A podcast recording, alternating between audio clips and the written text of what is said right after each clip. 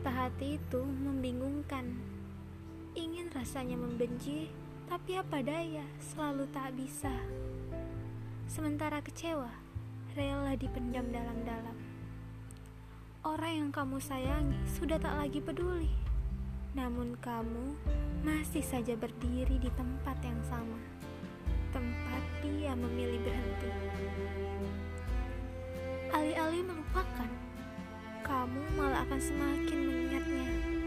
Sekeras apa pun kamu tertawa di depan semua orang, kamu tak akan bisa berbohong pada dirimu sendiri. Kamu mulai kesepian.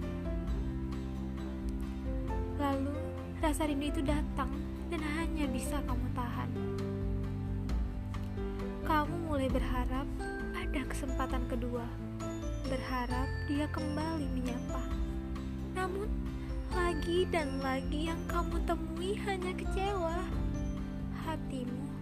Masih menginginkan kalian saat berdua. Kamu hanya belum rela menghadapi kenyataan bahwa saat ini tak ada lagi dia. Hanya ada kamu yang sendirian saja. Yang kamu butuhkan adalah menghentikan segala kenangan